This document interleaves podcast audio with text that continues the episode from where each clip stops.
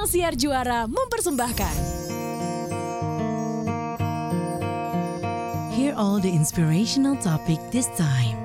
Only on Diary Dave. 90,4 Cosmopolitan FM, Diary Dave bersama saya Dave Hendrik kembali mengajak teman-teman untuk merayakan hidup karena saya percaya cerita kehidupan kita selalu miliki uh, value untuk dirayakan apabila kita membaginya dengan teman-teman kita. Itu sebabnya kali ini ada Daniel Mananta yang sudah aku tangkap di awal tahun 2021 ini untuk bisa ngobrol di Diary Dave. How are you Daniel? Ah, aku ketangkap. I'm awesome. I'm fantastic. What an amazing 2020, and it's going to be an amazing 2021. Right? Um, Jadi, uh, I think I, I like what you said. Um, celebrate life. Uh, kita merayakan hidup banget dan uh, you know, gue gue gue selalu bilang gitu ya kalau misalnya tahun 2020 kemarin emang uh, agak sulit untuk merayakan kemenangan-kemenangan kecil karena uh, kita sepertinya lebih fokus sama kekalahan-kekalahan besar gitu. Tapi hmm. ketika kita bisa fokus sama si kemenangan-kemenangan kecil itu, kita bisa rayakan sama-sama gitu ya. Hmm. I think um, it gives life satu kehidupan kita itu jadi lebih berwarna aja sih. And yeah, I I, I love your tagline, Dave. It's so good. Oh, thank you. What a nice segue. Kalau gitu aku mau langsung tanya, 2020 apa aja kira-kira Hmm, kemenangan-kemenangan kecil yang ada dalam kehidupan personalnya Daniel Mananta?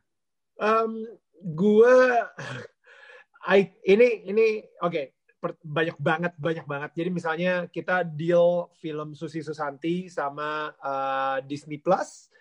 Um, abis itu Susi Susanti sendiri mendapatkan 13 piala nominasi, uh, sorry, uh, nominasi piala FFI, piala Citra, dan uh, menang satu um, Piala FFI uh, for the Best Actress untuk Laura Basuki.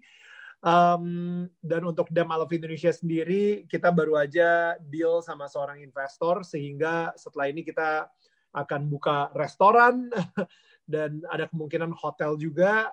Um, uh, pres, uh, Presiden Jokowi pose dengan sepeda Dem Alaf Indonesia, you know, yang kita kolaborasi sama Elemen ID um, kita juga uh, apa ya gue sendiri berhasil memecahkan rekor baru di maraton uh, untuk sama Uniqlo kemarin itu. Jadi satu eh jadi 4 jam 25 menit. So that's like 5 minutes faster than my personal best. Maksudnya di zaman pandemi yang orang-orang kayaknya um, performance-nya menurun gue malah berhasil memecahkan sebuah rekor baru buat diri gue sendiri uh, dapat brand ambassadorship banyak banget, you know, Pocari Sweat, Uniqlo, uh, Prudential, Sasa, sama Oppo.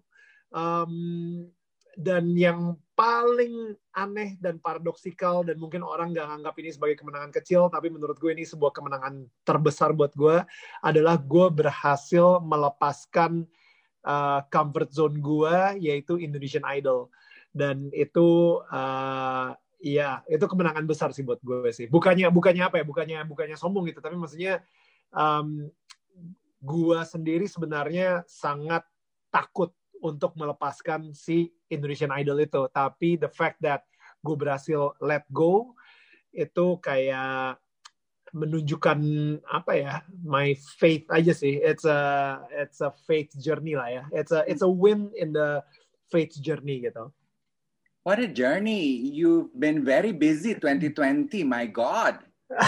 yeah, thank God. Gila. Oke, okay. aku pengen pengen mundurnya pelan-pelan. Kalau gitu dari yang terakhir di mention oleh Daniel keluar dari comfort zone di 2020 melepaskan title sebagai host di Indonesian Idol. What made you do it?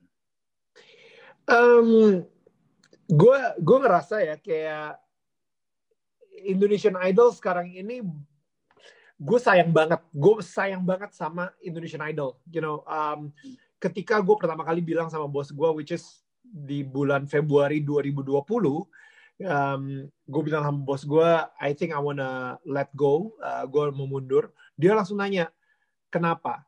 Right? Most probably semua orang juga nanya, kenapa? Mungkin apakah uh, kita apa apakah lu ada masalah sama salah satu jurinya? apakah tim kita nggak enak? apakah lu mulai nggak enjoy sehingga lu kecapean? Uh, apakah lu pengen spend time sama keluarga lu? Ataukah, you know, duitnya mungkin kurang cukup gitu misalnya. Kita bisa tambahin lagi nih kalau misalnya lu mau. Apakah, you know, whatever. Oh, oh apa ya, semua um, reason yang menurut gue emang sah aja sih. Uh, dan mungkin emang normalnya seperti itu tapi gue bilang sama dia no ini alasan spiritual gitu. Dan ini sesu sesuatu yang gak biasa gitu. Dia yang kayak what? Why? Um, gue ngerasa kayak Tuhan mempunyai sebuah rencana yang begitu besar dalam hidup gue tapi kalau misalnya gue nggak let go of this yang ada ini bakal jadi sebuah beban uh, buat gue untuk berjalan menuju that purpose yang Tuhan udah siapkan buat gue. Nah, beban itu bukan dosa, tapi akan memperlambat. Dan mungkin impact-nya, gue juga nggak tahu impact-nya apa. Tapi kalau misalnya, jadi apakah Indonesian Idol itu sebuah beban? Mungkin buat gue iya, karena gue sangat mendewakan Indonesian Idol. Gue sangat um, apa ya mempertaruhkan bukan mempertaruhkan um, it's my comfort zone seperti yang tadi lu bilang gitu. Gue uh, sangat nyaman banget dan gue sangat takut banget kalau misalnya gue ini bukan host Indonesian Idol, apakah identitas gue itu sebagai Daniel Mananta masih tetap utuh gitu misalnya. Yeah. So I think that was like the true test dan um, ketika gue let go, uh, ya gue ngerasa emang something shift gitu ya. Uh, sekarang ini secara identitas emang gue bukan lagi jadi host Indonesian Idol, tapi gue adalah tetangga kalian di hmm. channel YouTube gue, gitu. Yes, which yes. which is really amazing karena dulu orang manggil gue VJ Daniel gitu kan, abis itu Daniel Idol dan sekarang eh Daniel tetangga gue gitu. It's just like very more, it's like relatable. I love it. I love being your neighbor. Um, it's like gue masuk ke you know ojek online gitu ya ke mobilnya misalnya atau apa pun mereka yang eh tetangga gue nih baru masuk. And I like that. I, I really like that. I really like being your neighbor gitu. I can so relate dengan apa yang dibilang Daniel tadi. Aku pikir juga kalau mau diakui secara jujur banyak TV personalities yang juga merasakan apa yang dirasakan Daniel. I mean, I've been through it many years ago. Takut ketika mau melepaskan diri dengan identitas sebagai host sebuah acara. Nanti setelah itu selesai, who would I be? Will yeah. I still, you know, pertanyaan, akankah gue tetap akan punya pekerjaan kalau nggak punya yeah. acara televisi, stuff like that. Bener nggak sih, Neil? Yang aku pengen tahu, karena tadi kan Daniel bilang hmm, spiritual reason. Berarti ada bisikan Tuhan yang diberikan kepada Daniel melalui doa gitu uh, terhadap rencana dia yang lebih gede. Benar apa enggak, Neil? Ya, yeah, well, um, mungkin Tuhan itu berbicara ke umatnya itu dengan cara yang berbeda-beda gitu ya. Yeah. Dan kalau misalnya dari sisi gua, mungkin bisa dibilang kayak semacam hati nurani berbicara lah gitu. Mm. And I think hati nurani ini yang membedakan kita sama binatang. Kita mempunyai um, uh, si spiritual ini di dalam hidup kita gitu ya, di mana um, di situlah Tuhan bergerak gitu. Dan gua, um, I wouldn't say Tuhan bilang lepasin sekarang. Kalau enggak lu masuk neraka gitu. Enggak enggak enggak sama sekali. You know like um, dia adalah Tuhan yang sangat gentle. Um, dia adalah Tuhan yang sangat baik dan maha penyayang maha pengasih.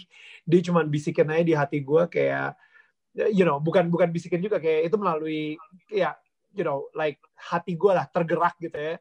Bilang kayak um, I have bigger plans for you. You know uh, plan to prosper you gitu. Jadi um, sekarang ini dengan rencana yang gue punya untuk hidup lo, uh, mau nggak nih you let go of something gitu. Nah tadinya yang gue selalu mengepalkan tangan gue banget keras-keras dan gue sangat uh, insecure banget sama uh, identitas gue sebagai host Indonesian Idol takut tergantikan gue pengen orang uh, ingatnya idol adalah Daniel Daniel adalah idol atau whatever gitu ya jadi kayak benar-benar ini akhirnya gue harus dari tangan gue gue kepalkan akhirnya gue buka tangan gue dan ketika gue membuka tangan gue dan gue melepas identitas gue itu sebagai host Indonesian Idol di situ gue ngerasa Tuhan sangat bekerja banget sih di dalam hidup gue gitu di mana kayak dia mulai menambah banyak hal baru, um, orang-orang baru, um, gue bilangnya new season, new alliance. Orang-orang yang tadi gue nggak pernah kenal, mereka datang ke gue dan mereka yang kayak, uh, you know, I'm I'm interested with your mission in life gitu. Dan mereka mau nge-support gue, ngebantuin gue dan dan apa ya, gue mendapatkan komunitas baru, gue mendapatkan tantangan baru juga pastinya. And gue kayak naik kelas aja sih, Dev.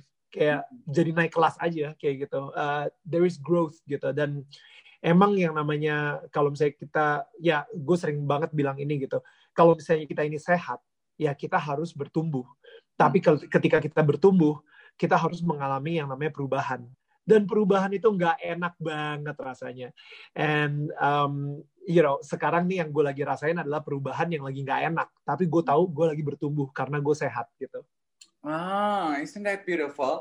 Setelah ini kita akan minta Daniel untuk membagi bagaimana caranya ia merasakan perubahan yang terjadi dalam hidupnya. Tetap di Diary Dave.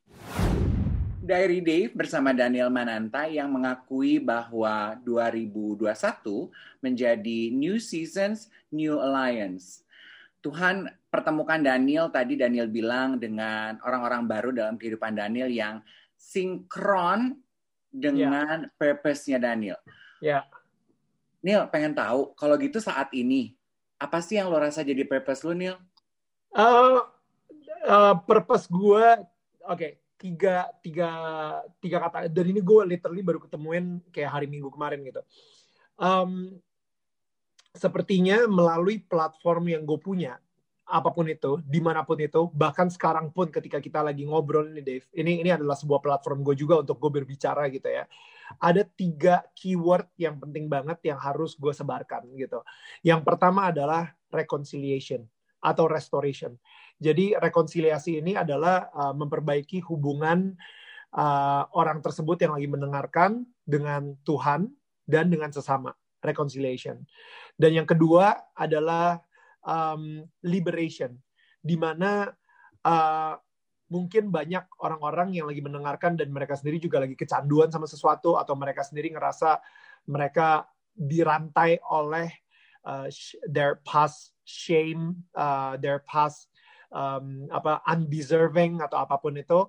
Nah, di sinilah uh, dengan apa pun yang gue ngomong dari mulut gue bisa menjadi sesuatu yang freedom atau um, liberate them ya.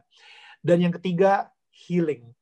Um, healing itu again ya sesuatu ketika mereka udah ngelewatin yang namanya rekonsiliasi dan mereka ngelewatin yang namanya liberation and then they will find healing sehingga melalui healing ini mereka sendiri juga bisa melakukan healing ke orang-orang di sekitarnya orang-orang yang membutuhkan healing itu juga gitu sehingga mereka sendiri juga um, gue percaya banget heal people will heal other people gitu. Orang yang telah tersembuhkan akan bisa menyembuhkan orang-orang di sekitarnya juga.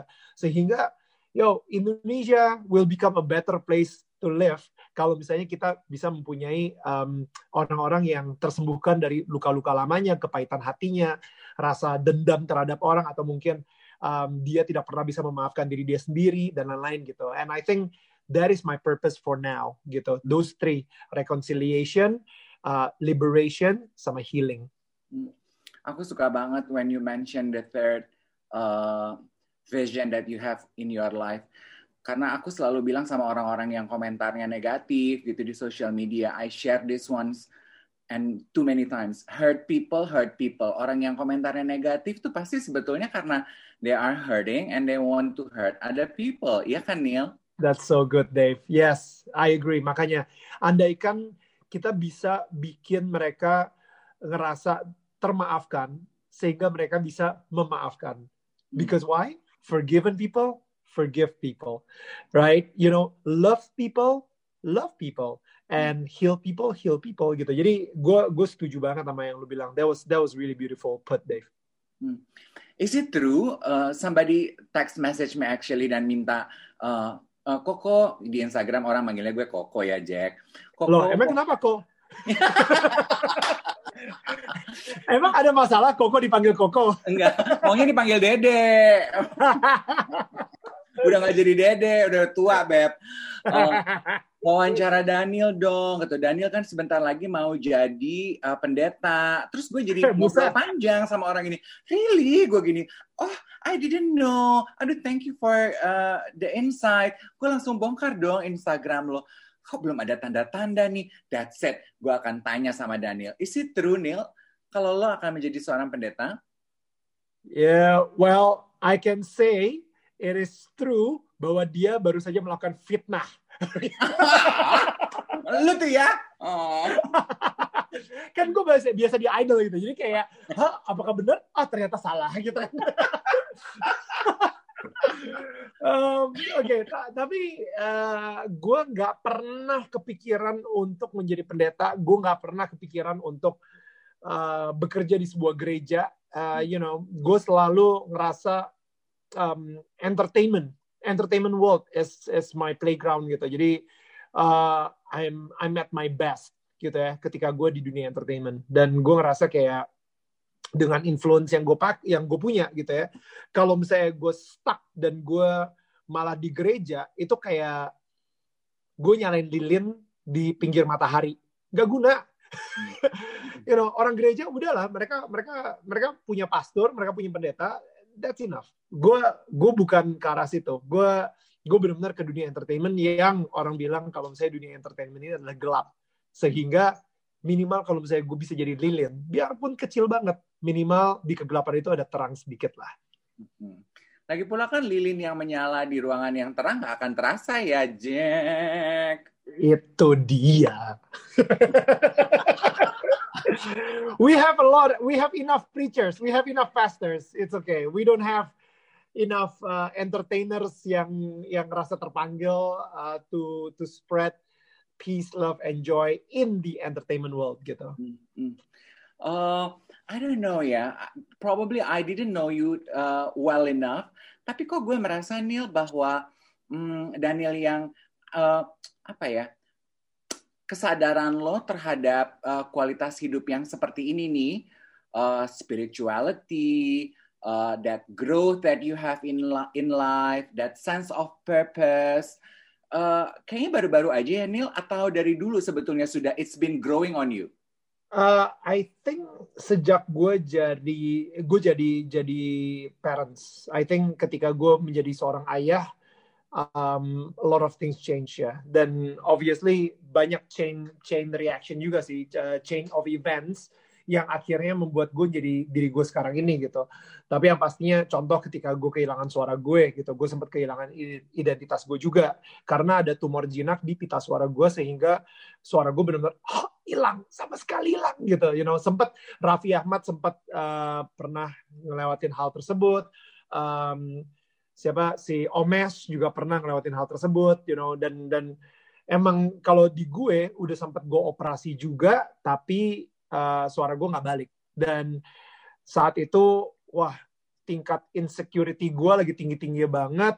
Um, I was very fearful. Uh, gue belum sedekat ini sama Tuhan gitu. Jadi saat itu gue benar-benar kayaknya gue ngelewatin mild depression gitu. Sehingga uh, gue kehilangan identitas gue siapa gue kalau misalnya gue bukan seorang presenter terkenal. You know apakah gue akan balik lagi jadi kongko mangga dua?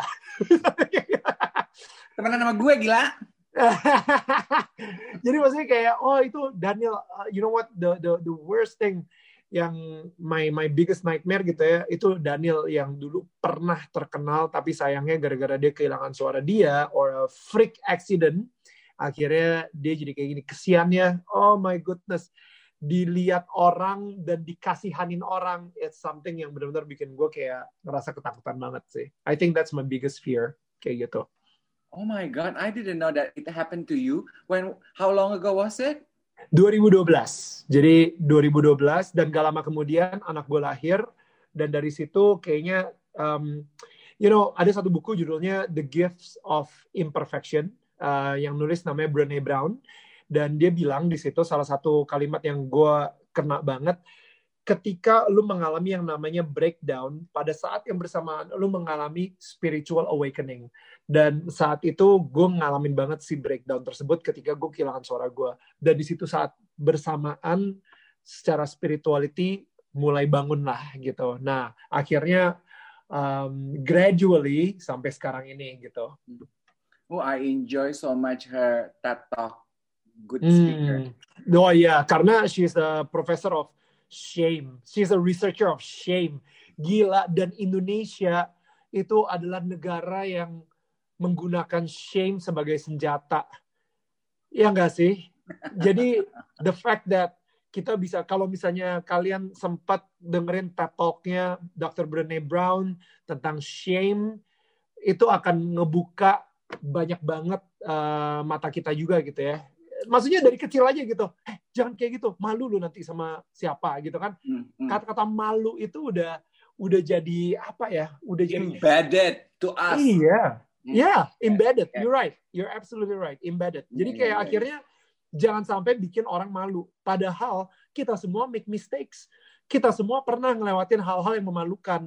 Hmm. And if we just talk about it, man, aduh, bego banget gue, gue memalukan banget gini ini segala. We talk about it, there will be so much healing that can happen, gitu. But we don't talk about it karena kita harus tetap terlihat sempurna, nggak boleh malu-maluin. Aduh, itu malah kita suppress dan itu malah kayak jadi tumor di dalam hati kita gitu. Kayak nggak malu-maluin, tapi tidak pernah malu untuk mempertontonkan kemaluan kita.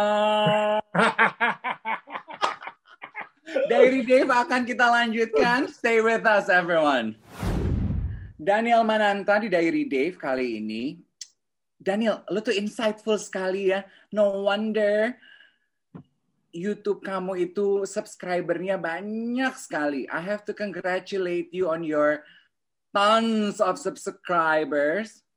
Ya, ya amin, amin, amin.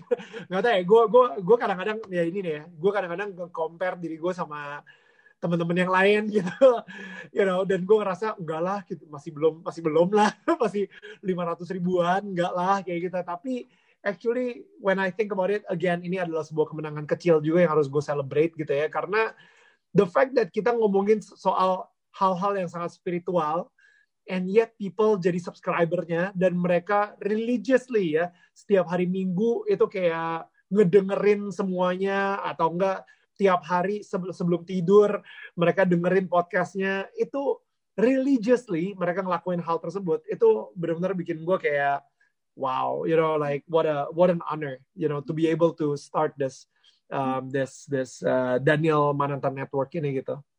Which is which is which which comes first? I mean uh, keputusan lo untuk keluar dari comfort zone lo di idol baru lo bikin uh, your network atau lo sudah bikin rencana network dulu baru kemudian memutuskan untuk keluar dari idol yang pertama jadi uh, gue let go dulu of Indonesian Idol gue nggak tahu harus ngapain lagi selanjutnya. Um, abis itu pandemi happens uh, dan ketika pandemi hits, uh, gue sering banget kayak counseling teman-teman gue dan mereka semua mempunyai sebuah uh, struggle yang sama, which is depression. Banyak dari mereka yang, um, you know, tengah mereka nggak bisa tidur, mereka ketakutan sama ketidakpastian uh, dalam hidup ini, mereka mengalami kekhawatiran yang berlebihan gitu ya. Um, jadi pada akhirnya gue ngerasa gimana kalau misalnya dengan network gue, dengan skill komunikator gue, sorry skill komunikasi gue, um, gimana kalau misalnya dengan dengan all this talent that I have, all this heart, um, hati yang gue punya saat ini, gue bisa membuat sebuah acara yang interview public figure ketika mereka lagi ngelewatin ketidakpastian tersebut gitu. Ari Lasso ketika dia baru ditendang dari Dewa misalnya seperti itu dan uh, sampai Ari Lasso yang sekarang itu pasti ada gap di tengah-tengah yang kita nggak pernah tahu gitu. Ketika dia masih kecanduan narkoba, ketika saat itu ibunya juga hampir meninggal gitu misalnya uh, sakit-sakitan dan hampir meninggal dan Ari Lasso sendiri akhirnya bagaimana cara dia bisa bangkit lagi dari keterpurukan dia. Nah, uh, gue belajar dari situ dan esensi-esensi itu yang akhirnya kita dapatkan ya um, dari si Daniel tetangga kamu ini. Dan ternyata ketika orang ngedengerin banyak banget yang hidupnya berubah, um, banyak banget yang ngerasa mempunyai hubungan hubungan lagi, hubungan yang diperbaruin lagi ya dengan dengan Tuhan gitu.